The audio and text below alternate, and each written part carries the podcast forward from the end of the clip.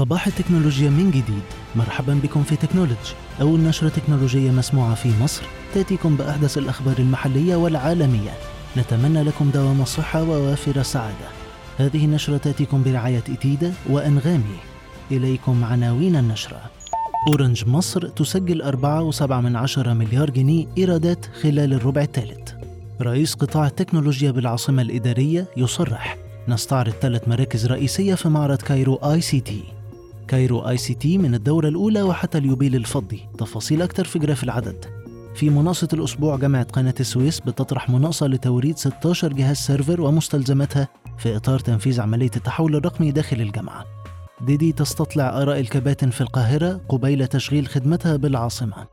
موجة زيادات تضرب سوق المحمول في مصر بسبب نقص الكميات المعروضة بالأسواق.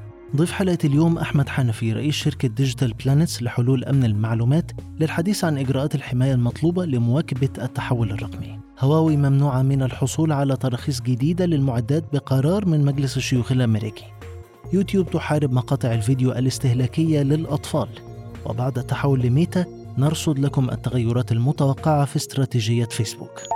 إلى تفاصيل النشرة. شركة أورنج مصر سجلت إيرادات خلال الربع الثالث من العام الجاري بقيمة بلغت 255 مليون يورو ما يوازي 4.7 مليار جنيه مقابل 227 مليون يورو أي ما يقارب 4.1 مليار جنيه خلال الفترة نفسها من العام الماضي 2020 محمد خليل رئيس قطاع التكنولوجيا في شركة العاصمة الإدارية للتنمية العمرانية كشف عن اعتزام الشركة خلال مشاركتها في معرض Cairo ICT الأسبوع المقبل تسليط الضوء على ثلاث مراكز رئيسية هي مركز التحكم والسيطرة الأمني ومركز إدارة المرافق والخدمات الذكية بالعاصمة ومركز بيانات العاصمة. الدورة الخامسة والعشرين من معرض القاهرة الدولي للاتصالات وتكنولوجيا المعلومات Cairo ICT تبدأ يوم الأحد المقبل ويرصد graph العدد تطور رحلة المعرض منذ إطلاقه في 1996 طرحت جامعة قناة السويس مناقصة لتوريد 16 جهاز server ومستلزماتها على أن يتم فض المظاريف الفنية يوم 15 نوفمبر المقبل. وبحسب إعلان المناقصة اللي حصل التكنولوجي على نسخة منه فإن أعمال التنفيذ تقبل التجزئة بين الشركات. استطلعت شركة ديدي مصر لطلب خدمات النقل الذكي عبر المحمول.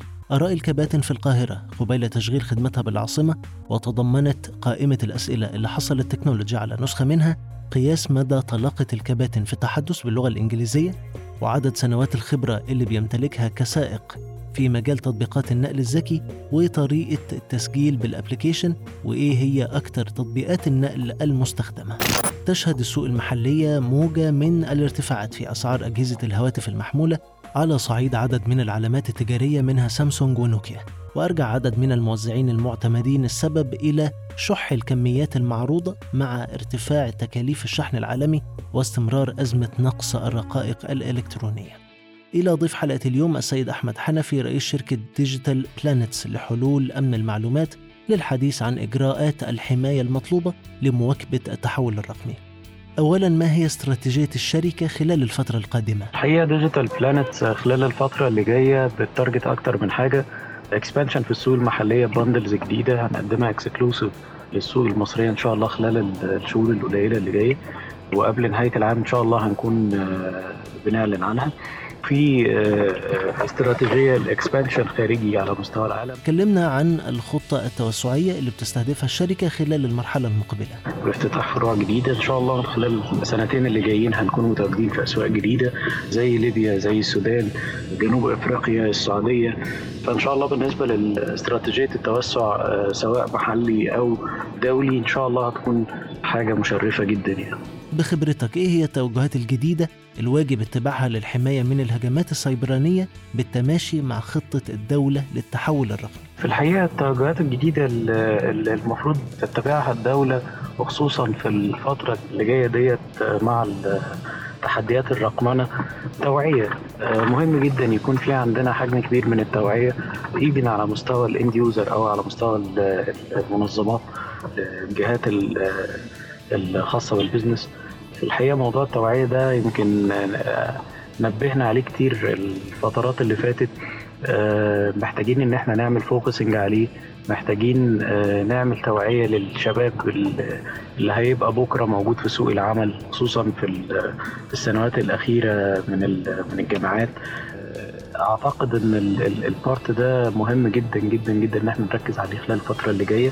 وهو ده فعلا اللي هيضمن لنا على الأقل انشاء جيل فعلا عارف يعني إيه security awareness عنده الوعي الكافي اللي يقدر إن هو يحافظ على نفسه بيه ويحافظ على المنشأة اللي بيعمل فيها نستأنف بقية أخبار النشرة وإلى مجلس الشيوخ الأمريكي واللي صوت بالإجماع لصالح تشريع يمنع شركات زي Huawei Technologies أو ZTE Corp اللي بتمثل تهديد أمني من الحصول على تراخيص جديدة للمعدات من الجهات التنظيمية.